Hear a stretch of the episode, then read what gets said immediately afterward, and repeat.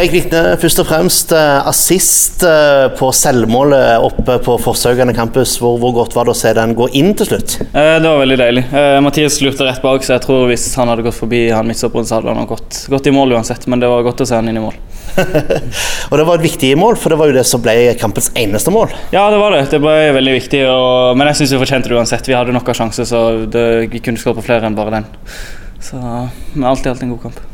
Det var 26 grader på Forsøyen campus. Mm. Det er meldt om 30 grader eh, på, på Jessheim. Ja. Hvordan påvirker varmen dere spillere? Nei, altså Det er ikke det beste været å spille i, men uh, sånn sett er det, det, er fint. Vi har vært blitt vant til å spille i varmen, så jeg tror det skal gå greit. Men, uh, men det, man må bare drikke mye vann og, og holde seg hydrert, så, så, skal det gå fint. Ja, Du håper dommeren har lagt inn nok av drikkepauser? Ja, de gjorde det i Sogndal, så jeg håper virkelig de har gjort det. De skal gjøre det nå òg.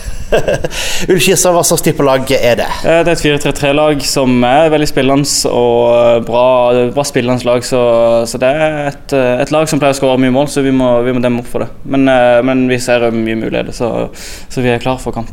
Ja, og Hvordan gjør det med selvtilliten deres hvis dere får eh, nå tre på rad nå etter høstsesongen begynner? Nei, det gjør veldig mye. Nå, nå må, kan vi ikke ta den for gitt, men, men hvis vi skulle vinne den, så, så, har vi en god flow. Så vi får, vi får håpe på tre poeng der. og gønne på. Du hører Fotballekstra på Radio Metro.